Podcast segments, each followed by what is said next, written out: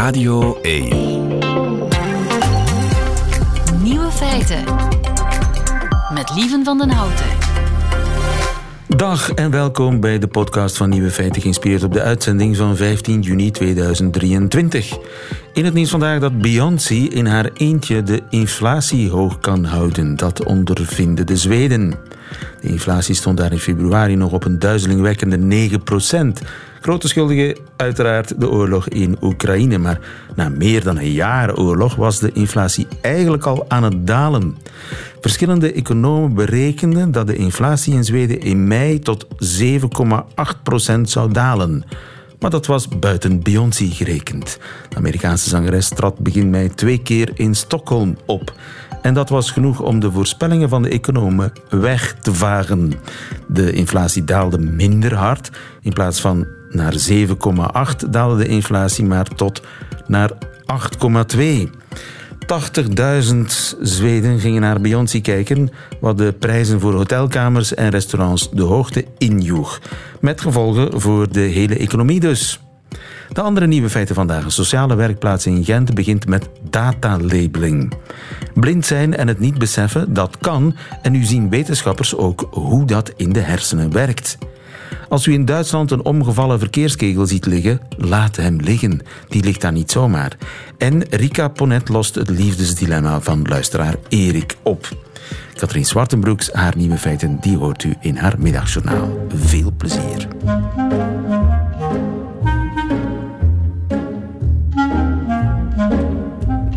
Nieuwe feiten.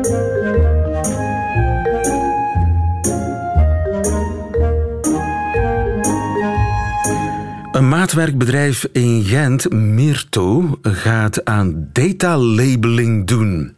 Luc Bulkaert, goedemiddag. Goedemiddag, lieve. Maatwerkbedrijf, dat is wat eh, we vroeger een beschutte werkplaats noemden, hè?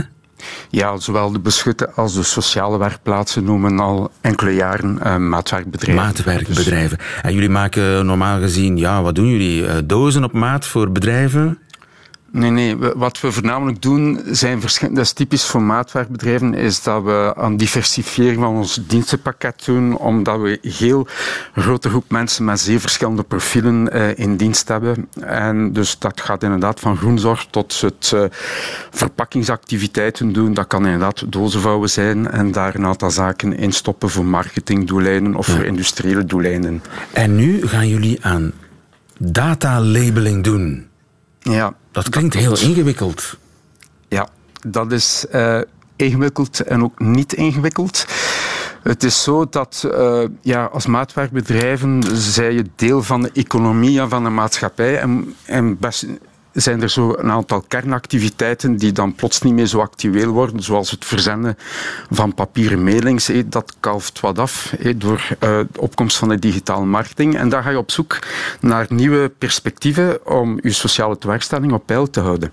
En datalabeling is een activiteit die hoort bij het trainen van AI en machine learning modellen waar je menselijke inbreng nodig heeft. Ja. En dat is dan de sterkte van maatwerkbedrijven, is dat wij um, ja, mensen hebben die zich graag vinden in repetitief uh, werk. En datalabeling is voor een ongeveer een vijftiental mensen bij ons een mooie opportuniteit, omdat dat mensen zijn die voornamelijk administratieve en digitale skills hebben. Ja, ja. Jeroen Baart, goedemiddag. Goedemiddag. Je bent computerwetenschapper. Jij geeft ook lezingen over artificiële intelligentie. Mij verbaasde dat plotseling dat, dat uh, een, een, een maatwerkbedrijf, een beschutte werkplaats, sociale werkplaats, dat die bij ons aan datalabeling uh, doen. Gebeurt dat al? Ja, dat gebeurt al een paar jaren. Uh, dat is typisch ook werk dat werd uitbesteed naar online platformen die microservices aanbieden. Vaak mensen in, in, uh, in lagere loonlanden die voor een paar cent per opdracht uh, ja, dit soort dingen doen. dus het gebeurt al wel een tijdje. Ook bij ons? Uh, bij ons, dat weet ik niet zeker. Het is al sinds het eerste, bedrijf, het, het, het, eerste bedrijf dat ik er bij ons bij hoor. Want er zijn waarschijnlijk ook wel Belgen die zich op die online platformen hebben aangemeld, maar dat is allemaal op individuele basis. Echt in bedrijfsverband is het voor mij toch de, het eerste keer dat ik er ah, ja, dat, dat, bestaat eigenlijk al op individuele basis, dat je dan uh, ja. voor een of ander bedrijf vanuit je achterkeuken aan uh, datalabeling kan doen. En wat kan dat dan bijvoorbeeld zijn, zo'n datalabeling? Wel, um, bijvoorbeeld, uh, er is een systeem Amazon Turk. Dat is eigenlijk een, een systeem van Amazon waar je op aanmeldt. En dan krijg je bijvoorbeeld voor onderzoeksgroepen, uh, die hebben vaak grote hoeveelheden, hoeveelheden data die van een label moet voorzien worden. Dat kan gaan van wat zie je op de foto tot hoeveel mensen staan er op deze foto. Um, heel, ja, heel vaak zijn dat dat soort taken, waarbij dat je eigenlijk de training zet voor een, een AI-systeem, typisch bij machine learning, eigenlijk van labels voorziet. Het, het typisch voorbeeld is als je een machine learning systeem traint om van katten te onderscheiden, dan moet je er heel veel foto's in steken waarbij dat je zegt, dit is een kat, dit is een kat, dit is een kat. En heel veel foto's met dit is een hond, dit is een hond, dit is een hond. Ja, want dat, dat is eigenlijk uh, het rare. Je denkt, artificiële intelligentie, dat kan heel veel, dat kan alles. Maar, maar in het begin moet dat wel iets aangeleerd krijgen, namelijk dit is een hond. Absoluut, ja. Eh, zo'n zo'n AI-systeem en dan typisch machine learning is maar zo goed als de trainingsset die erin gaat. Uh, en, en daar heb je een, een set goede gelabelde voorbeelden voor nodig. Eigenlijk goede voorbeelden, niet ambiguë voorbeelden, waaruit dat systeem intern een zekere logica of regels kan, kan afleiden. Ja. al is dat zeer inherent opaak. Je kan niet zien hoe het werkt, maar je kan het wel genoeg voorbeelden geven.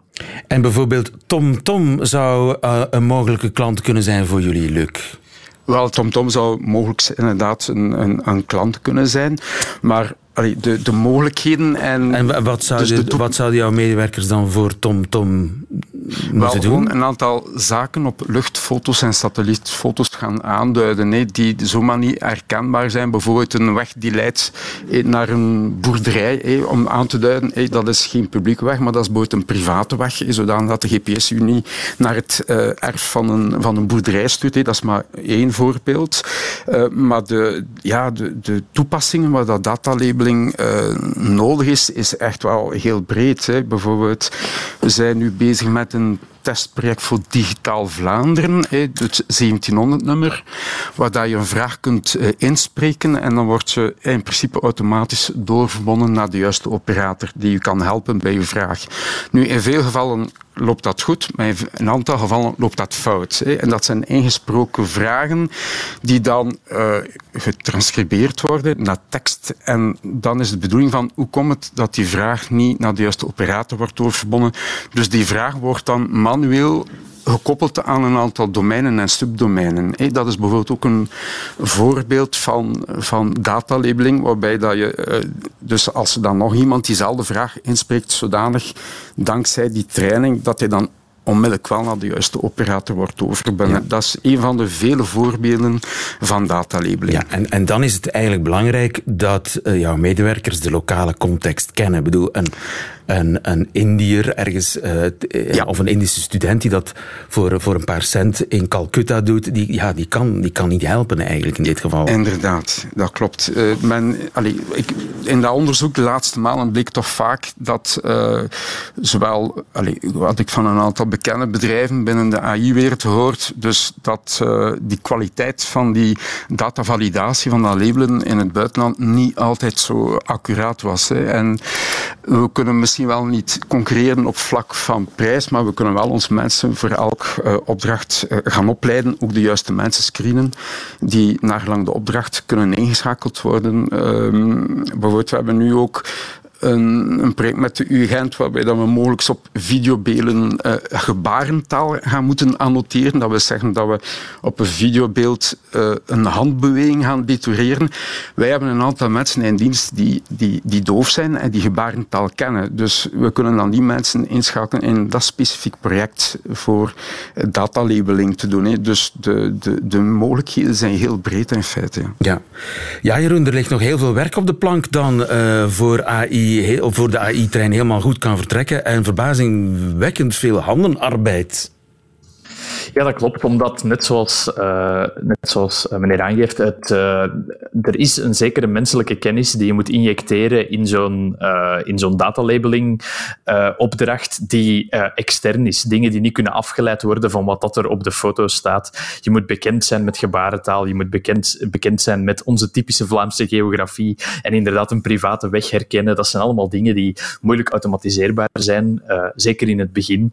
En ja, dan is zo'n datalabeling wel nodig absoluut. En dat is een klus voor uh, maatwerkbedrijven. Dankjewel. Uh, Luc uh, Bulkaert van maatwerkbedrijf Meerto en dankjewel ook Jeroen Baart. Dankjewel, lieve. Goed, Graag gedaan. Graag. Vraag het aan Rika.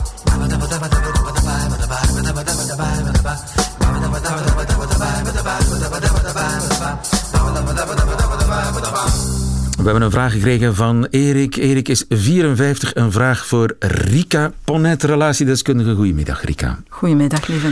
Erik schrijft, hij is 54. Had ik dat al gezegd? Ik denk het wel, hè? Ja. Oké. Erik, we hebben alles geprobeerd om onze relatie in stand te houden. Van relatietherapie tot opnieuw op date gaan naar de privésauna. Boom. Deur in huis. Maar het is vooral zij die me enorm veel tijd en krediet heeft gegeven om me ervan te overtuigen toch voor haar te kiezen.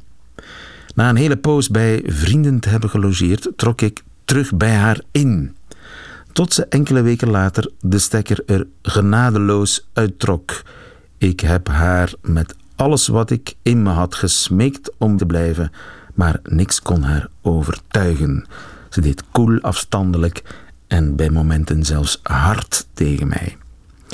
We zijn nu ruim een jaar verder en ik voel me nog steeds niet meer dan een hoopje ellende die gebukt gaat onder een cocktail van gevoelens van spijt, verdriet, boosheid en melancholie.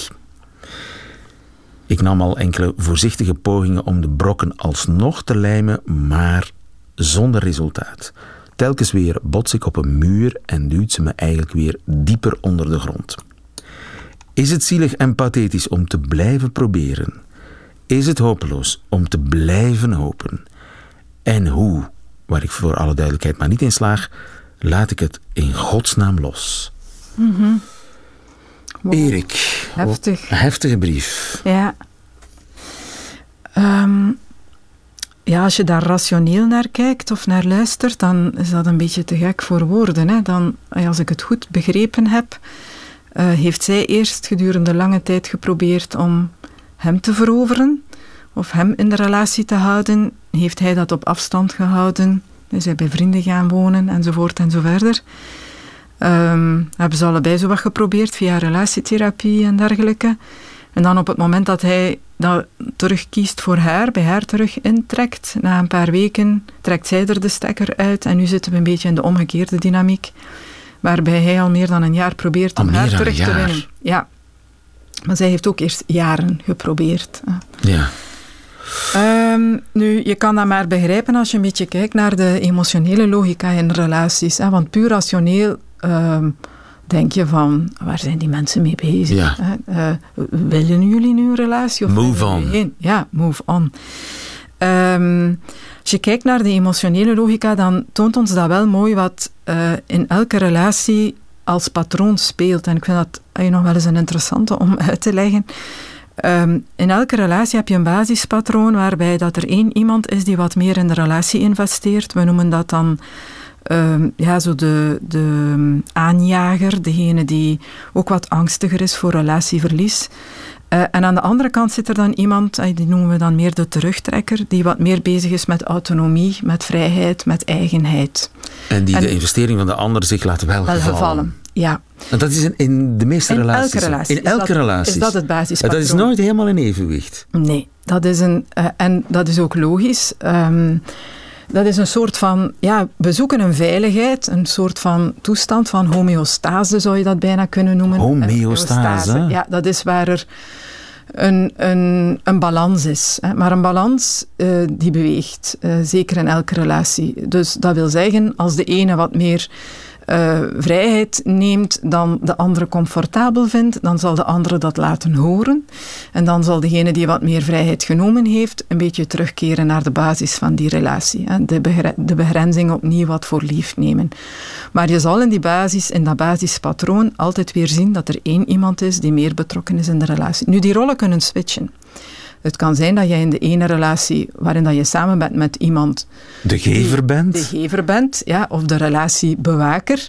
En in een andere relatie... De krijger. de- ja, degene bent die wat meer het buitenleven, de autonomie, de vrijheid eh, als waarde centraal staat eh, of eh, als grens bewaakt.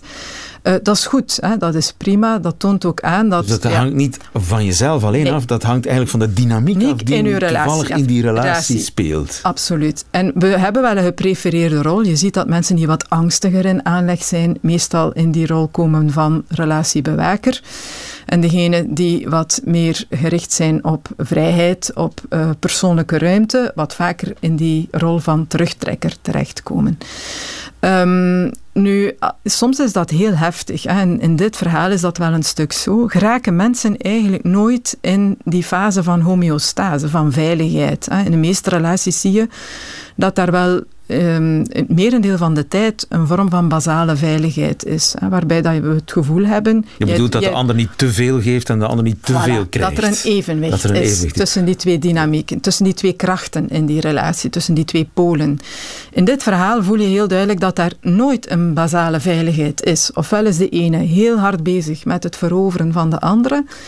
En die andere blijft te ver op afstand staan en uh, wijst af. Hè. Um, en degene die aanklampt, moet klampt al maar meer aan, want dat is dan de dynamiek die natuurlijk tot stand komt. Wat we vrezen, het verlies van de andere, door heel hard aan te klampen, bewerkstelligen we dat eigenlijk. Onze diepste angst wordt waargemaakt, want de andere voelt dat zo als claimend aan, dat hij zich al maar meer gaat terugtrekken. En, en vervolgens draaien de rollen om. En om vervolgens draaien de rollen om. Degene die zo hard gevochten heeft, raakt op een bepaald moment uitgeput trekt zich dan terug en dan zie je dat er aan de andere kant iemand zit, wow, die is ineens weg. Hè. Dat, uh, help, dat wordt, help, help, help, help, maar ik wil die niet kwijt, dus hup, kom jij automatisch in die rol van aanjager terecht.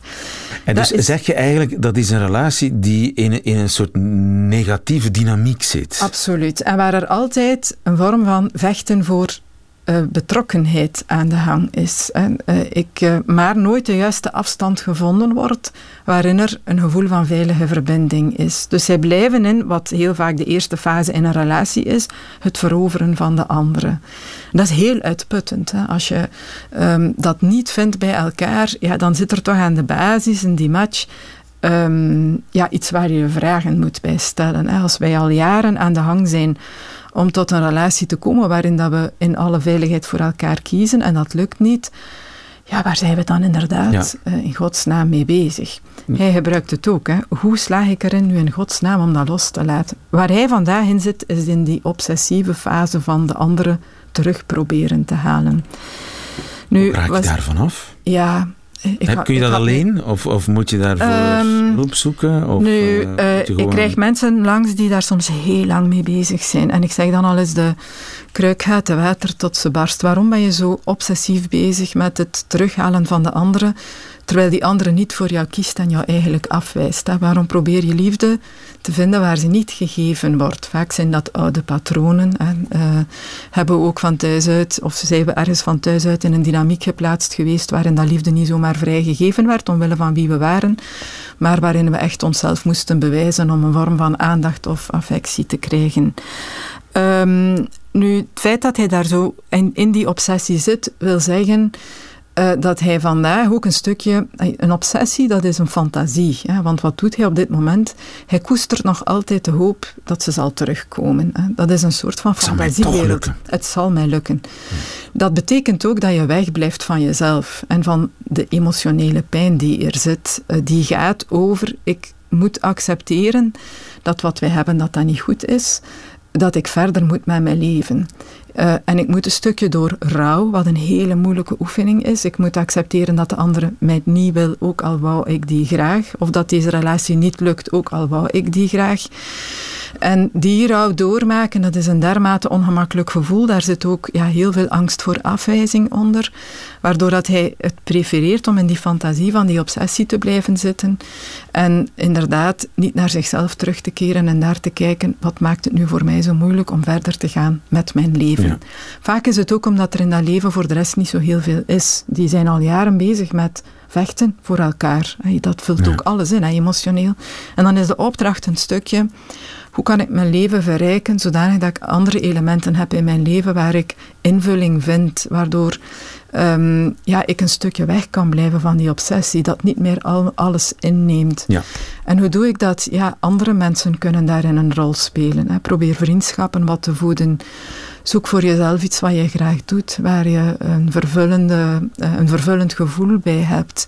Dat zijn kleine bouwstenen, hè. dat gaat niet van vandaag op morgen, maar dat helpt zeker om met de tijd um, ook de Klaarder andere, te zien.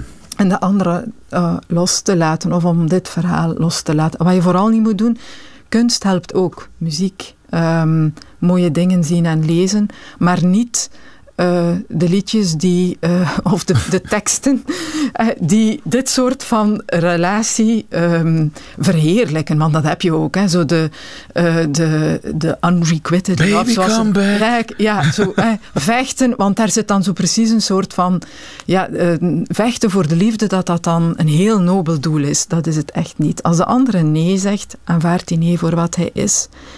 Um, ja, neem die nee, dat is geen nederlaag. Hè. Dat is van, wil ik uh, iemand die niet voor mij kiest? Hoe kan ik ervoor zorgen dat ik toch mijn respect... Is dat, hoe kan ik kijken, op een andere manier kijken naar de liefde? En wat is respectvol? Graag zien. Is dit respectvol? Graag zien. Nee, dus hoe kan ik dat wel mezelf geven? Die vorm van respectvol graag zien. Erik, alle steun krijg je van ons. Als er nog vragen zijn voor uh, Rika Ponet, ze zijn welkom op Nieuwe Feiten radio1.be. Tot volgende week. Nieuwe Feiten.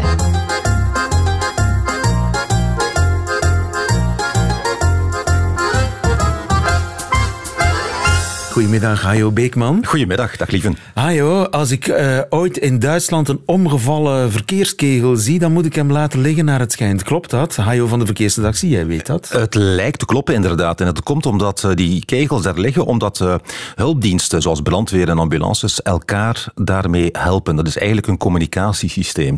Je gaat het vooral zien op uh, ja, meer afgelegen wegen, kleinere wegen, naar bijvoorbeeld bosgebieden of natuurreservaten. En bijvoorbeeld als er een brand uitbreekt, dan moeten hulpdiensten zo snel mogelijk naar die goede locatie.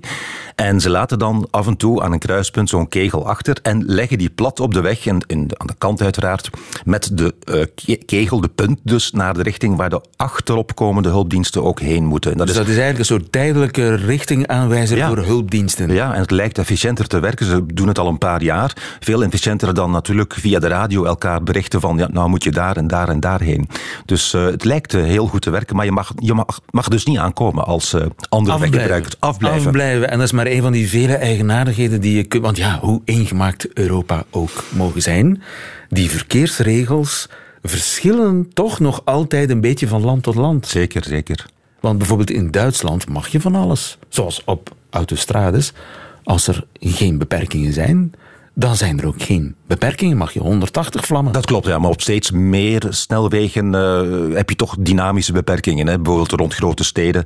In het Roergebied en uh, rond Hannover bijvoorbeeld krijg je ook net zoals bij ons op die... Uh, uh, die zie je die borden met snelheden op de Antwerpse ring bijvoorbeeld. Dat zie je daar ook steeds vaker. Maar inderdaad, als er geen signalisatie is, kan je onbeperkt, uh, onbeperkt gaan, uh, gaan snelheid maken. Maar bumperkleven wordt streng bestraft. Ja, en dat is een goed, goede zaak, hè, want daar hebben ook veel Belgen last van. Het is zelfs zo, ja, er bestaan in verschillende Europese landen wel afstandsregels. Bijvoorbeeld op de snelweg in Frankrijk moet je in theorie 72 meter afstand tot je voorligger houden, maar het wordt niet echt goed gehandhaafd. Maar in Duitsland wel, daar heb je de regel van de halbe tacho. En dat betekent dus, uh, dat is uh, ja, van de tachograaf, dat betekent dat de halve, tacho, de, halve tacho. En dat wil zeggen, als je 100 rijdt op de autostrade, dan moet je eigenlijk uh, minstens 50 meter afstand houden. Dus de snelheid die je rijdt, uh, delen door twee en dan met de halve meter, tacho. De halve tacho.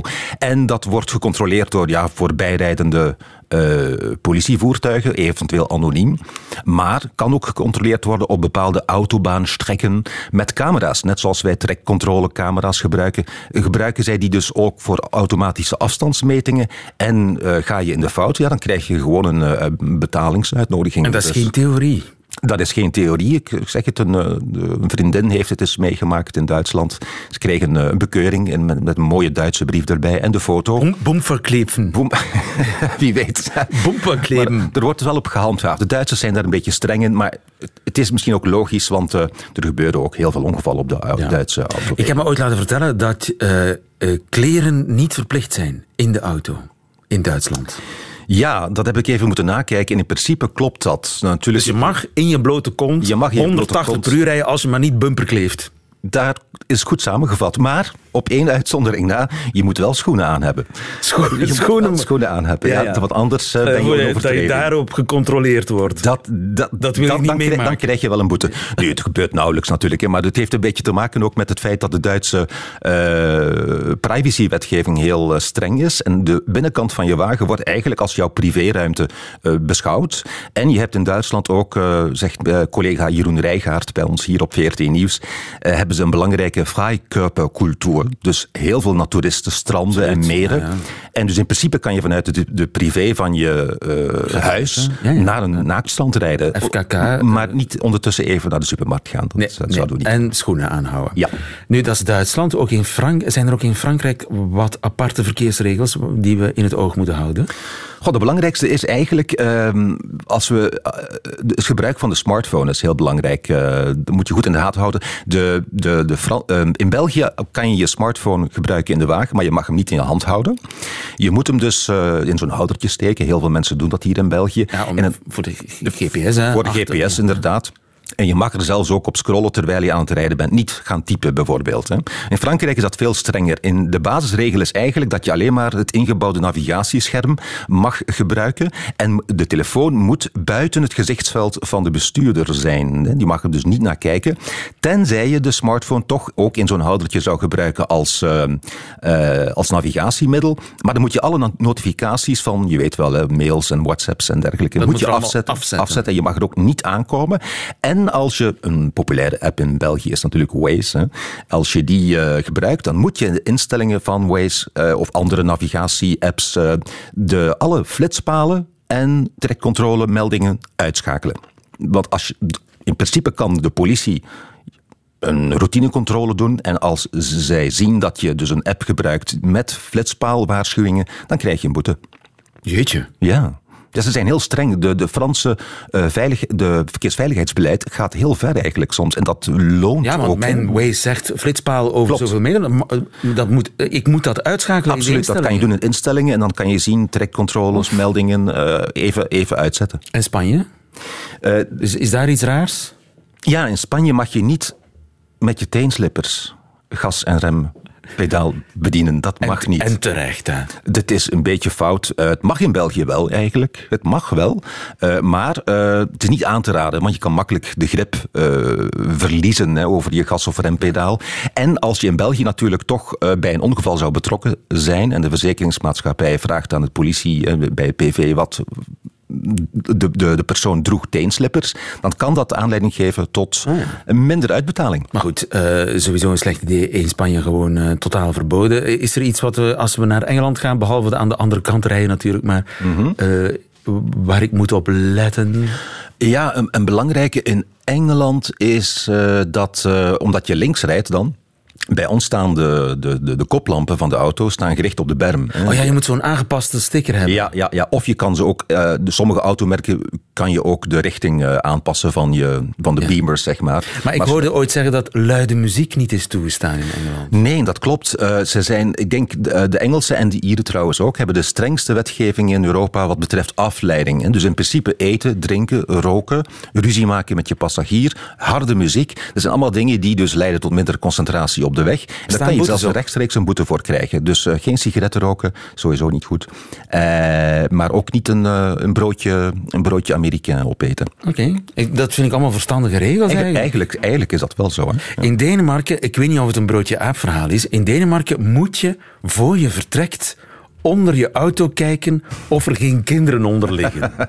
Het is inderdaad verschenen, dat, eh, dat bericht in eh, verschillende media, ik denk vorige week. Ik heb het eens nagekeken. Het heeft denk ik te maken met eh, wetgeving die is geschreven bij de opkomst van de wagen. Laat ons zeggen de eerste helft van de 20e eeuw, dus voor de Tweede Wereldoorlog. Want in dezelfde wetsartikelen staat bijvoorbeeld ook dat als je eh, met de wagen rijdt, dan moet in principe iemand met een rode vlag voor je auto heen lopen om paardenkoetsen te waarschuwen dat er een gemotoriseerd voertuig aankomt. En dat lijkt mij wetgeving die geschreven is, eh, laat ons zeggen, in, misschien in de jaren 20 of 30, toen auto's nog heel zeldzaam waren. Opgelet een auto, een auto. Juist, juist. Maar, maar die, dus, maar die worden niet meer toegepast. Dus die, zijn die vergeten af. Die wetsartikelen bestaan nog, maar worden uiteraard niet meer, uh, niet Ze zijn die gehandhaafd. Goeie reis, dankjewel, Hajo Beekman.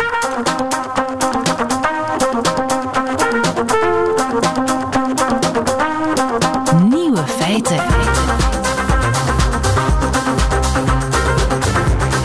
Radio 1. Blind zijn en het niet beseffen, dat kan. En nieuw hersenonderzoek toont ook hoe. Professor Boon, goedemiddag. Goedemiddag. U bent de neuroloog van het UZ in Gent. Het zijn collega's van u in Boston die onderzoek hebben gedaan naar wat heet anosognosie. Ik had daar nog nooit van gehoord. Anosognosie, wat is dat? Dat is het hebben van een neurologisch gebrek. We noemen dat een uitval. Bijvoorbeeld niet uw, uw arm niet meer kunnen bewegen langs één kant bijvoorbeeld, of niet goed meer kunnen zien, of iets anders dat je normaal kan, niet meer kunnen. En daarin boven je niet bewust zijn van het feit dat je dat niet meer kan. Dus iets niet meer kunnen en het niet beseffen. Ja, het is een soort neglect-fenomeen. Dus men, de persoon die dit heeft, heeft wel degelijk een deficit, maar is er zich niet van bewust. En dat heeft uiteraard gevolgen voor bijvoorbeeld een behandeling of een, ja, zelfs voor een diagnose. Ah ja. Maar blind zijn en het niet beseffen, hoe, hoe kan dat?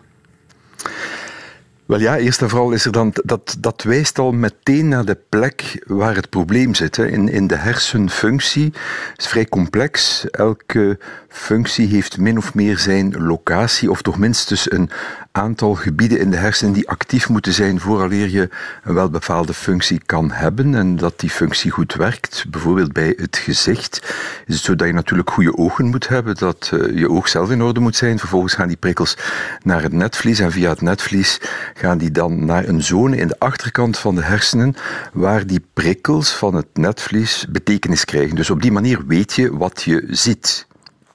En dus die mensen zijn niet blind in de betekenis, hun ogen zijn in orde, hun netvlies is in orde, maar hun hersenen hebben een mankement waardoor ze eigenlijk de visuele informatie niet kunnen begrijpen. Dat klopt helemaal. Hè. Dus wij noemen dat corticale blindheid. En er bestaat dus corticale blindheid, waarbij mensen dus inderdaad door een letsel aan de achterste uh, hersenkwabben, één kant of twee kanten, een probleem hebben. Maar bij die anosognosie is er een bijkomend probleem, namelijk dat ze als het ware het deficit wat ze hebben, het feit wat ze niet zien, dat ze dat ontkennen of dat ze dat zelfs ja. niet beseffen dat ze het niet zien. Maar lopen die mensen tegen muren aan of tegen, tegen de lamp? Letterlijk? Letterlijk dan, ja, in het, in het begin in elk geval. Hè. En wat nu, wat nu vervelend is in de praktijk, want hetzelfde bestaat bijvoorbeeld voor de motorische functie. Dus je hebt bijvoorbeeld een halfzijdige verlamming aan één kant. En als je je daarvan bewust bent, ja, dan is het natuurlijk makkelijker om aan die mensen meteen een motivatie te geven om er iets aan te doen. Maar als ze een halfzijdige verlamming hebben en ze zijn er zich vervolgens niet van bewust, dat beperkt in hoge mate de mogelijkheden om, om, om daar iets aan te doen. Dus in de praktijk is dat bijkomende deficit ook echt belangrijk en ongunstig voor ja. mensen die daaraan lijden. En nu hebben ze dat in de hersenen gezien, dus ze zien werkelijk in de hersenen, ah, die verbindingen lopen niet helemaal goed. Ja, inderdaad. En wat, wat nu zo nieuw is aan dit onderzoek, en het is ook verschenen in een heel prestigieus uh, blad, uh, dat is dat we wisten al dat corticale blindheid bijvoorbeeld in de occipitale kwab, ik vertelde het daarnet, dus die achterste hersenhelft, uh, achterste hersengebieden zitten. Bijvoorbeeld de motorische activiteit, dat zit dan eerder vooraan in de frontale voorhoofdskwab. Dat wisten we al. Maar als er een factor anosognosie bij komt, dan blijkt nu uit dit onderzoek dat een bepaalde zone die zeer cruciaal is voor het geheugen, dat die meedoet met het probleem. Dus, en dat is nieuwe informatie. Dus daar waar we wisten waar die visuele centra zijn, waar de motorische centra zijn en waar die verwerking gebeurt, wisten we al. Maar dat een uitval, of op zijn minst een functionele betrokkenheid van de hippocampus, want zo noemt die zone, is een zone in de diepe slaapkwab, die zeer belangrijk is voor het geheugen, dus echt op afstand van die visuele zone en van die motorische zone, dat die zone, die hippocampus, zo belangrijk is om die anosognosie te verklaren. En dat wisten we tot vandaag niet. Betekent dat ook dat er ja, perspectieven geopend worden naar een eventuele genezing? Ja, dat is misschien een far shot, zou ik zeggen. Lijkt mij misschien nu net iets te optimistisch. Uh, anderzijds natuurlijk, dat onderzoek zo verwonderlijk is dat nu eigenlijk ook niet. Want uh, dat, het dat je je geheugen nodig hebt om bepaalde dingen uh, een betekenis te geven, dat lijkt logisch. Je kan, als je, iemand, als je naar iemand kijkt en je merkt dat die persoon, en je weet wie die persoon is, dan kan het niet anders dan die, dat je die persoon al eerder gezien hebt. Dus die informatie komt uit het geheugen. Dan gaat bliksemsnel die vergelijking tussen in komende visuele prikkels en anderzijds uh, de geheugeninhoud wordt meteen vergeleken en dan zegt de hersen, aha, ja, ik ken die persoon dus en je krijgt dat, meteen, dat krijgt meteen betekenis. Dus dat dat geheugen er zo bij betrokken is, is ook niet zo verwonderlijk, maar het was tot op heden nooit met zo'n strakke, ja. zeer goede wetenschappelijke methodologie aangetoond. Maar we zijn nog ver van uh, genezing. We kunnen die mensen dus eigenlijk niet helpen vandaag. Wel, nee. Op, op dit moment natuurlijk, men gebruikt klassieke uh, rehabilitatie, uh, revalidatietechnieken. Er bestaan allerlei psychologische en gedragsmatige maten om mensen met een uh, visuele stoot, corticale blindheid enzovoort, toch te revalideren. Een stuk van de problematiek lost zichzelf trouwens op. Het is een beetje afhankelijk van wat de oorzaak is van die corticale blindheid. Meestal zijn dat vasculaire accidenten, beroertes eigenlijk, maar het kan ook andere dingen zijn. Dus de oorzaak zelf kan nog een beetje va variabel zijn. Dus er zijn wel mensen die daar enigszins van recupereren, maar dat moeten we eerlijk toegeven, de behandeling bij een blijvend letsel is op dit, is op dit moment eigenlijk nogal teleurstellend. Ja. En het feit dat we nu een, bijknoop, een bijkomend aanknopingspunt hebben om dit probleem te begrijpen, opent wel perspectieven naar een eventuele behandeling. Maar die zal dan toch wel op een nieuwe leest geschoeid zijn. Ja. Komt dat eigenlijk vaak voor, dat mensen niet beseffen dat ze ziek zijn, dat ze iets niet kunnen? Ja, dat in elk geval. Hè. Dat, eh, dat komt wel vaker voor, bijvoorbeeld in de psychiatrie. Maar nu heel specifiek in de neurologie uh, is ja, bijvoorbeeld bij een beroerte een dergelijk neglectfenomeen. Dat is geen zaak van alle dagen. Hè. Dus wij zien dat regelmatig, omdat we natuurlijk regelmatig mensen zien met een dergelijk neurologisch probleem. Maar eigenlijk globaal genomen is dat niet zeer frequent. Dus dat is geen zaak die we nu echt alle dagen zien. Het is, ik ga het ook geen fait divers noemen, want daarvoor is het nu net weer te frequent. Maar uh, het is iets wat wij af en toe zien, uh, maar dat in de globale populatie eerder zeldzaam is. Anosognosie, ik ga het proberen te onthouden. Professor Boon, dankjewel voor dit gesprek. Nog een fijne dag. Dankjewel en hetzelfde. Fijne dag nog. Nieuwe feiten. Radio 1. En dat waren ze, de nieuwe feiten van vandaag, 15 juni 2023. Alleen nog die van Katrien Zwartenbroeks, die krijgt u nu in haar middagjournaal. Nieuwe feiten. Middagjournaal.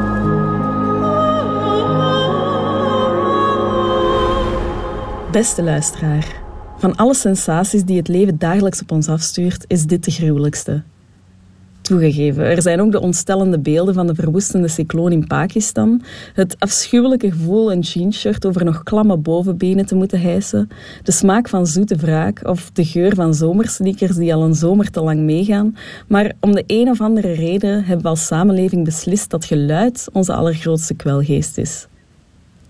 Wie ooit al eens een voormiddag door Facebook-commentaren onder nieuwsberichten heeft gegrasduind, zijn voortuin hashtag fiberklaar heeft weten maken of de meest recente voorstellen van politici die een verkiezingsjaar voelen aankomen heeft gelezen, zal het vast beamen dat er inderdaad nogal veel lawaai wordt gemaakt de laatste tijd.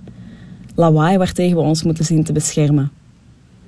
Het ironische aan noise cancelling headphones is dat ze het geroezen moest dempen door extra ruis te produceren. Al lijkt dat veelzeggend voor de tijdsgeest. Wat dat exact wil zeggen, weet ik niet. Ik hoor u immers niet, maar het is sowieso iets. Misschien is het wel dit. De populariteit van noise cancelling devices betekent, volgens de logica van de marketing, onvermijdelijk de opkomst van noise. Let er maar eens op. Hoe kritiek, negatieve gedachten, een overvolle agenda of proteststemmen worden weggezet of vermarkt als lawaai, als rumoer, trammeland, overbodig. Deze ochtend nog volgde een app gespecialiseerd in gepersonaliseerde diëten, mijn databroodkruimels om me te vragen of ik ook genoeg had van al die food noise. Honger. Ze bedoelde honger. Een sensatie die ons lichaam heeft gekweekt om te helpen overleven, wordt vandaag afgedaan als het gekolk van het toxische voedselmoeras. Iets waar we niet aan mogen toegeven. Pijn is zo geen pijn, het is de lokroep van Big Pharma, Dafalgan Noise. En wie zich insmeert tegen de zon, heeft toegegeven aan white noise. Begrijp me niet verkeerd. Ik ben een innige aanbidder van mijn eigen paar noise cancelling headphones om driftige drillboren, tenderende trams of bellende collega's mee te dempen. Maar als alles wat waardevol kan zijn, een gichel, een gevoel, een goestingske, gebrandmerkt wordt als geluid dat we kunnen zachter zetten of zelfs wegfilteren, dan blijven we uiteindelijk niet over met onze teergeliefde stilte. We blijven over met niks.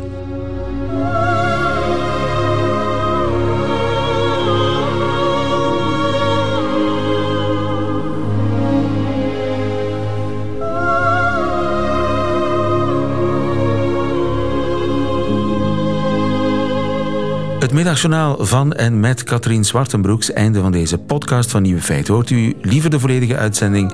Dat kan natuurlijk elke werkdag live tussen 12 en 1. Of on demand via de Radio 1 app of website. Tot een volgende keer.